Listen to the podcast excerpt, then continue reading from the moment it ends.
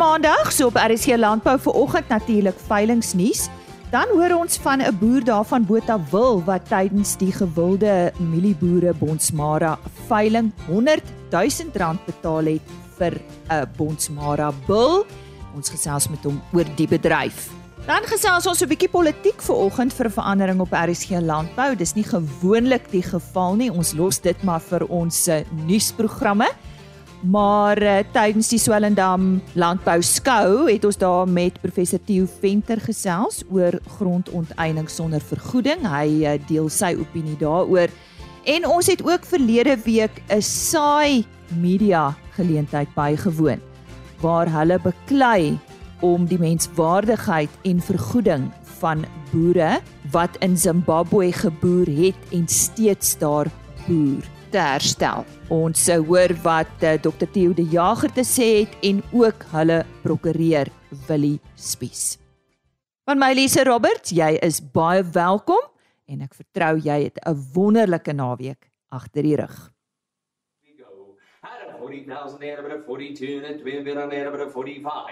Ons begin ver oggend se program met hierdie week se veilingnuus. Op 15 Maart natuurlik 'n hoogtepunt vir Bonsmara SA, hulle nasionale veiling daar by die Afridome in Parys. Op 18 Maart Simbra verse karnaval ook by die Afridome in Parys. Die aanbod is 250 top Simbra verse stoet en kommersieel aangebied deur Vleis Sentraal. Op 23 Maart die nasionale Savanna en van Rooi skaapteelers vereniging veiling by die Little Farm Kimberley op die N12. Savanna bokke word aangebied 16 oeye en 49 ramme as ook van rooi skape 36 oeye en 117 ramme aangebied deur Andrei Kok en seun. Ook op 23 Maart LHB Bonsmara en Kreur Bonsmara produksieveiling by Leeu Heuvel in die Christiana omgewing. Die aanbod 25 SP bulle, 300 kommersiële vroulike diere aangebied deur Vleis Sentraal en daar is ook 'n aanlyn opsie deur Swift Vee. En op 30 Maart die 20ste produksieveiling van Therese Bonsmaras op die plaas Wolfehuis in die Oknie omgewing Die aanbod op hierdie stadium 35 bulle, 30 stoetkoeie, 110 kommersiële koeie en verse. Kontak my gerus via my e-pos indien jy graag jou veiling op hierdie lys wil hoor. Dit is rsglandbou@plaasmedia.co.za. Ek herhaal dit weer aan die einde van vandag se program. Dit is dan die veilingsnuus. 550 now. At 60000 Chris Jansen van Rensburg van Lollo boerdery by Botawil het nie op hom laat wag tydens die gewilde mielieboere bondsmara veiling daar op Viljoenskroon.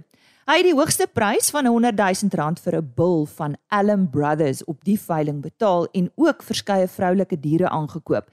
Ons medewerker Christelise Miller het met hom gepraat oor sy aankope en ook oor die beesbedryf in geheel. Ons praat nou met Chris Jansen van Rensburg, eienaar van die Lollo boerdery in die Botawil distrik. Chris, goeiedag, is lekker om met jou te praat. Ag nee, baie dankie ook vir die onderhoud. Ek, ek waardeer dit opreg. Ek Chris, jy het die hoogste prys vir 'n bul betaal, 'n Bonsmara bul. Wat staan vir jou uit en hoe voel jy oor oor jou koop? Ek is baie tevrede met my koop. Dit gaan vir my oor genetiese vordering. Ek teel my eie bulle en wat vir my uitgestaan het was eintlik oor algeheel alles dit lyk uitstekend eintlik in die bal. Daar's nie regtig iets wat afsteek nie. Soos die uh, Monsmare boere maar altyd praat, dis 'n all-rounder. Maar ek dink hy die bal is meer as dit eintlik. En jy het die bal aangekoop vir jou kommersiële kudde. Dis reg ja. Ja, ek koop dit maar eintlik ek teel my eie bulle. Jaarliks selekteer ek maar altyd my bulle uit. Ek het 'n uh, boer in die Oos-Vrystaat, Harry Smit en dan die balle wat ek hier teel, uh, stuur ek gewoonlik Harry Smit toe. Jy het baie dragtige diere ook gekoop. Wat s'e rede? Die die groot rede is vir vir alles 'n 'n koei so lank in 'n boer se kudde bly. Sê dit vir my iets. Daai boer het daai koei vir 'n spesifieke rede gehou. So 'n groot rede is die koei moet goeie eienskappe hê. So ek selfde ek is bekommerd as ou dadelik 'n ding uitskot, maar as hy so lank in 'n kudde is en hy word beveilig en gebed, dan beteken die koei baie. Kom ons kyk weer na die raseienskappe, die Bonsmara. Hoekom die ras? Die ras is deur 'n professor Bonsma ontwikkel. Ek dink dit is 'n dis 'n ideale ras. Hy's geteel met 'n kort horing. Uh dit is van die Afrikaner uit. En dan vir melkproduksie ook die Hereford maak ook deel uit van die Bonsmara. So hy's wetenskaplik gewees, wetenskaplik geteel. So hy voldoen aan al die basiese vereistes waaraan 'n ek dink 'n doodgewone kommersiële boer ook soek, asook 'n stoetboer. Chris, aan wie lewer jy? Verkoop jy uit die hand uit ook? Ja, my verse selekteer ek maar gewoonlik. Ek verkoop dit as aanteelverse. Mense betaal gewoonlik 'n premie op op die aanteelgoed. En dan eh, wat ek ook doen is die wat nou nie aan my ras eh, standaarde voldoen nie, skot ek nou maar uit en ek um, raak maar raak van so vinnig as moontlik ontslaa. Ek lewer gewoonlik maar baie aan vleisintraal. Teken kry ek nie die beste pryse maar, maar ek weet ek kry my geld daarom. Koop jy uit die hand uit ook van die plaas af? Ja, ek het verkoop uh, heelwat uit die uit die hand ook uit. 'n Paar bekende boere het al by my gekom koop. Wat ek aanbied, bied ek vir hulle baie goeie aandele in want ek sê altyd jou naam is goud werd. As jou naam weer sleg is, sal niemand meer by jou koop nie. Chris, wat hou die toekoms in vir jou? Dink jy dalk ehm um, op die lange duur of die korte duur is toetkudde? Nee, nee, ek sê ek bly by by die kommersiële kudde. Ek het 'n redelike baie groot kommersiële kudde. Dit is vir my meer hanteerbaar. Ek dink as as jy stoetteler is, dan hou jy daarby want dit uh, verg ongelooflik baie tyd van jou maar ek sê altyd stoetelers het 'n plek ook vir die kommersiële boer. Ja, jy het studiere vandag aangekoop. Ja, Chris. ja. Chris, die bedryf in hierdie stadium, um, maar nog onsekere tye. Ja, ek sê altyd onsekere tye, bied ook baie keer geleenthede vir die wat negatief is. Hulle gooi gewoonlik die bal aan die kant vir die wat wel positief is om uit te brei. Maar ek sê altyd ja, ons ons het ons probleme in die land, maar ehm um, as ons kyk ons voorouers, ons het baie, hulle het baie erger pro pro probleme as ons gehad. So ons probleme is is hanteerbaar in 'n mate. Maar ek sê dit wat jy het, moet jy maar die beste van 'n saak maak. Ek moet ons ons almal sien. En as ons kyk na pryse, ehm um, jy weet, diere se pryse, ondervind jy dat daar afname in 'n mate is? Ek dink daar is in 'n mate veral hier tyd, daar is 'n afname as gevolg van load shedding. Daar is 'n probleem met slagtings, die slagtings hoop op. Die mense kry nie die vleis uh, verwerk nie. Ek was al by 'n paar slaghuise en ons slaghuis leeg, maar dis bloot as gevolg van die vraag is daarsom, maar die dinge sê hulle kry dit goed nie geslag nie as gevolg van die load shedding. Nou hoop dit op en dit geld nie net vir die vleisbedryf nie, dis in alle bedrywe, selfs selfs in die graanbedryf ook. Chris, as mense met jou in verbinding wil tree, wat se proses om te volg? Ag, hulle is welkom om my te kontak. Ek kan my nommer gee. Dit is 082 562 5601. Ek hou altyd daarvan om om oor boerdery te gesels. Of partyke as iemand dalk net 'n bietjie iets positief soek vir die dag, is welkom om my te skakel op. Chris Elise Miller daar in gesprek met Chris Janse van Rensburg van Lollo Boerderye by Botawil. Grondonteiening word deur baie rolspelers in die landboubedryf as een van boere se grootste risiko's gesien. Maar is die gevaar van onteiening regtig so groot? Ons het by professor Theo Venter, 'n professor in praktyk aan die Universiteit van Johannesburg, kers opgesteek oor die onderwerp. Baie mense beskou boere se belegging in grond as een van hul grootste risiko's as gevolg van die moontlikheid van onteiening sonder vergoeding. Maar hoe groot is hierdie risiko? Vrae wat dikwels ontstaan in in die politieke uh omgewing is die hele kwessie van onteiening sonder vergoeding. Nou ons weet dat dit vir ten minste 2 jaar almal in Suid-Afrika um op hulle agterpote gehad het oor die wysiging van die grondwet uh om onteiening sonder vergoeding in um te laat uh, funksioneer of deel te maak van die grondwet. En ons weet nou dat die ANC nie die meerderheid kon kry, 'n 2/3 meerderheid om daardie verandering aan die grondwet aan te bring nie, maar intussen het die ANC wel voortgegaan om die onteieningswet, die normale onteieningswet, ehm um, te konsolideer in een wet.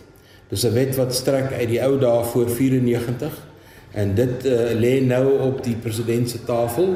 En daaruit ontstaan nou baie vrae, is onteiening sonder vergoeding nie op 'n verskuilde manier weer op die tafel nie. En die antwoord is nee. Ek dink die druk wat daar was op die regering om onteiening sonder vergoeding ehm um, te kry as ANC beleid is in effek deur die ANC self ondergrawe. Alhoewel dit ANC besluit was van die vorige Nasrek konferensie, het um, die huidige minister van finansies die volgende dag reeds ehm, 'n um, kantlyn skoppie gegee en gesê ja, ons kan dit doen mits dit nie die ekonomie gaan ondergrawe nie, mits dit nie voedselsekuriteit gaan benadeel nie, mits dit nie die hele waarde van grond en die bankstelsel negatief gaan beïnvloed nie. En ons weet dit sou. En daarom 2 jaar lange proses om uiteindelik uit te kom uh op die punt waar ons nie die grondwet verander nie.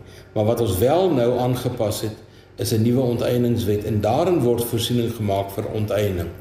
En daardie onteieningswet is deel van die normale proses.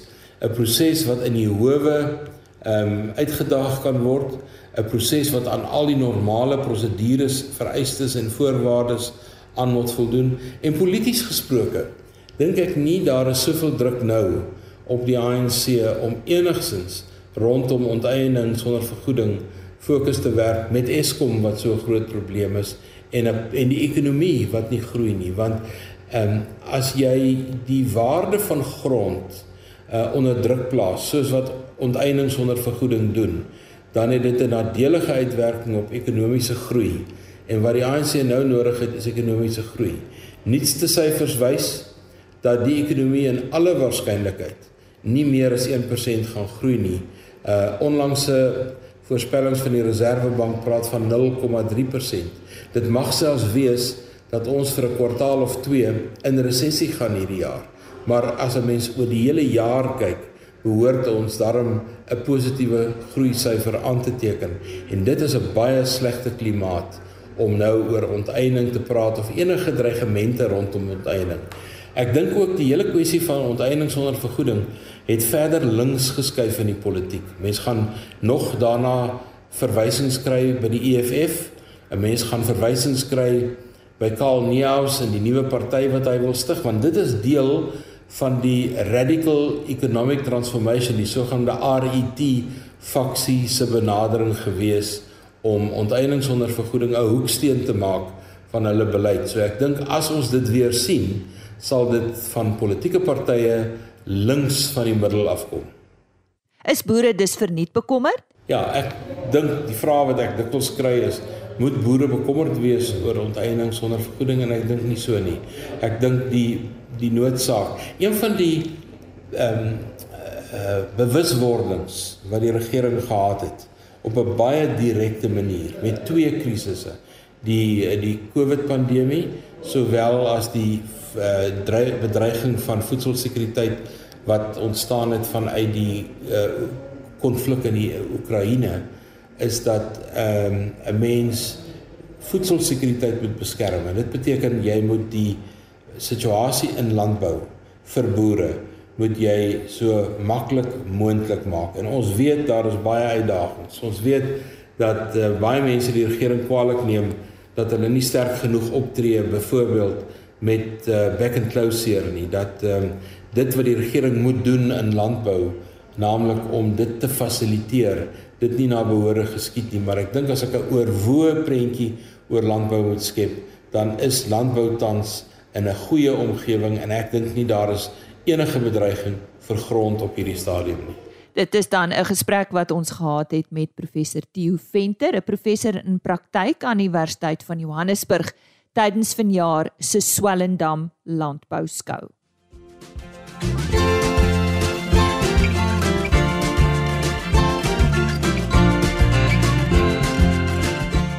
Vergoeding aan Zimbabwe se boere is steeds onseker. Dit is nou 23 jaar nadat Mugabe se ZANU-PF begin het om boere van hul plase af te jaag en amper 3 jaar nadat die Global Compensation Deed met landbouorganisasies geteken is. Ons het tydens 'n media-konferensie hieroor met Dr Theo de Jager, die direksievoorsitter van SAI en ook met Willie Spies van Hurter Spies Prokureurs wat sedert eh, die begin van hierdie pogings as verteenwoordiger van Zimbabwe se boere wat tans in Suid-Afrika woon op te tree. Eers aan die woord Dr. Theo de Jager. 23 jaar nadat hierdie gewelddadige grondgrype begin het in Zimbabwe en boere links en regs van die plaas afgeskop is. Is daar nog geen vergoeding nie. Maar intussen het daar soveel dinge gebeur beide op die regsfront en op die politieke front. Op die regsfront was ons in elke denkbare hof van die SADC tribunaal, die Hooggeregshof, die Appelhof, die Grondwetlike Hof en elke saak het ons gewen. In elke saak was daar regtig 'n verdoemende uitspraak ten gunste van eiendomsreg en die beginsels van menseregte soos die universele deklarasie van menseregte vervat is. En dit is 'n belangrike hefboom op die politieke proses. Die politieke proses het Mugabe alreeds in 2014 gesê on, ons sal moet vergoeding betaal. As ons nie vergoeding betaal nie, gaan hierdie land nooit weer op sy voete kom nie. Het hulle nie toegang tot enige lenings in die weste nie, die internasionale monetaire fonds, die wêreldbank. Niemand kan hulle help nie en daar is nie geld binne in Zimbabwe om hom weer op te tel nie. So eers in 2020 is daar 'n vaste aanbod op die tafel gesit vir vergoeding wat sommer nog meer tussen 30 en 35% is van die totale waarde van wat die die boere verloor het. Maar hierdie ooreenkoms sou plaasvind oor 5 jaar. Die vergoeding sou oor 5 jaar geskied met die helfte in die eerste jaar. En dit het nooit gebeur nie. Toe sit verleng met nog 'n jaar en dit het weer nooit gebeur nie. En nou die Zimbabwese regering teruggekom na die boere toe met 'n aanbod om in staatseffekte betaal te word wat eers gaan verwesenlik word oor 14 jaar van nou af. Nou moet in gewone Afrikaans te sê die Zimbabwese boere het net nie die vertroue in die Zimbabwese regering om daarvoor te val nie en niemand elders in die wêreld het nie anders sou hulle vir hulle die, die die geld geleen het. Ons het so omtrent 600 lede van SAI wat of voorheen in Zimbabwe geboer het of nog steeds daar woon. Soos jy sien daar's baie van hulle wat ook uit Mosambiek, Zambië, Botswana. Hulle het vir ons gesê ons moet in SAI begin om die druk op te draai en ons doen dit deur drie goed. Ons het nou vandag die ambassadeurs gesien van ambassades in in in Pretoria en hulle op hoogte gebring met waar ons staan met vergoeding. Ons nou hierdie media konferensie gehou want dis vir ons belangrik dat in die hele streek die bewussyn 'n bietjie ehm um, aangeblaas word. Maar ons het ook uh, uh, twee fondse gestig. Die een is 'n 'n beleggingsinstrument vir titelaktes waar mense wat wat wat siek is wat op die punt is dalk om te sterf. Waar hulle hulle titelakte van kan verkoop vir wat hulle daarvoor kan kry. Maar dan behoort dit aan 'n liggaam wat baie langer as hulle met die eis kan stoei. Of boere kan hulle hele titelakte daarin sit en as daar eendag vergoeding is, dan kry hulle die voordeel daarvan. Maar dan weet hulle dat die stryd om hulle titelakte het 'n langer leeftyd as hulle self. Die Zimbabwese regering het oor die afgelope jaar en 'n half vir die mees kwesbare boere, die mense wat in ouete huise en in hospitale bedlêend is. En nie weet hoe hulle aan die einde van die maand hulle medisyne rekeninge gaan betaal nie. Het vir hulle begin ietsie gee elke maand, 'n paar dollar. Regtig nie baie nie en ook nie elke maand nie. Hulle weet nooit wanneer hulle dit gaan kry of wanneer hulle dit nie gaan kry nie. Maar hierdie betalingkies wat hulle noem die interim relief payments word toe geweer teen die kop van al die ander boere. Daar's gesê as julle nie ons aanbod aanvaar nie, dan hou ons ook op om daardie boere te betaal. So ons het 'n fonds gestig waaruit ons hierdie boere op 'n alternatiewe manier aan kan kan kan help om te oorleef. Net om daai pistool teen die kop van die groter boeregemeenskap weg te vat. Destyds in in in 2000 toe die grondgrype begin het, was die gemiddelde ouderdom van die boere 63. As jy die mense wat intussen afgesterf het ook in berekening bring, sou die gemiddelde ouderdom nou al 86 gewees het. Elke week is daar van hulle wat wat afsterf. Ja. En die Zimbabwese regering is terdeë daarvan bewus. So hulle probeer tyd koop. Hoe langer hulle wag, hoe meer sal hulle probleem letterlik uitsterf. So dis waarom ons hierdie investeringspool, hierdie beleggingspool skep om 'n onbeperkte leeftyd aan die probleem te gee en en en om die skroewe aan te draai druk op die Zimbabwese regering. Ons luister ook nou na wat Willie Spies van Hurter Spies Prokureurs hieroor te sê gehad het. Die belangrike van wat vandag gebeur en en, en hoekom hierdie belangrik is is ons het 'n klomp boere en as jy nou na elkeen van hulle se CV's gaan kyk, is elkeen van hulle 'n uh, een wat sy merk gemaak het. Hier's 'n paar oud presidente van die Commercial Farmers Union hier.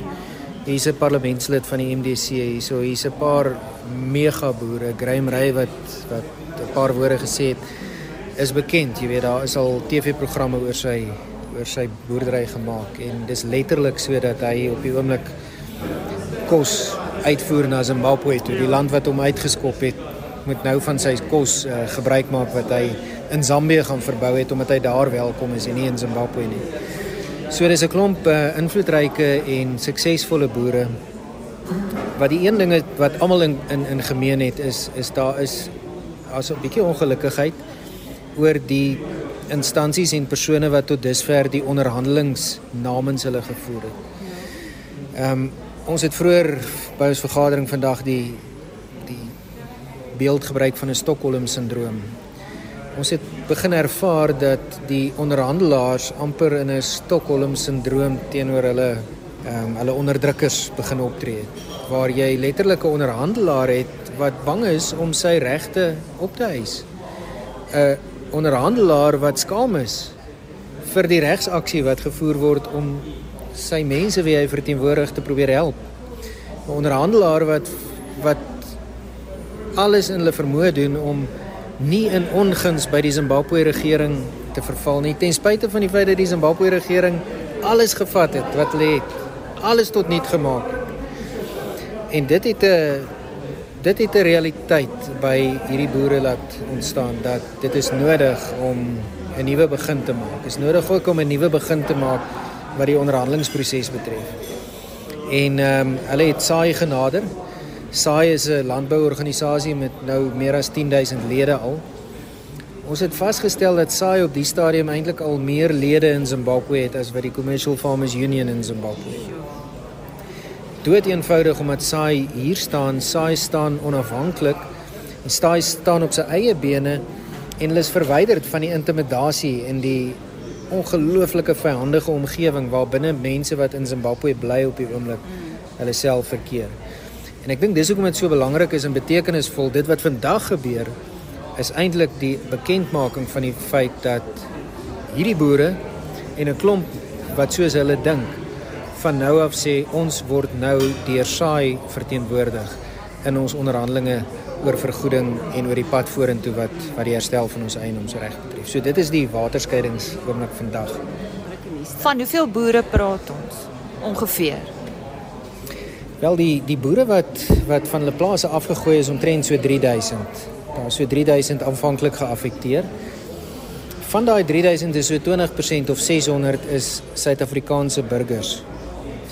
Ehm um, SAI itself ehm um, so in die omgewing van 500 lede in Zimbabwe self.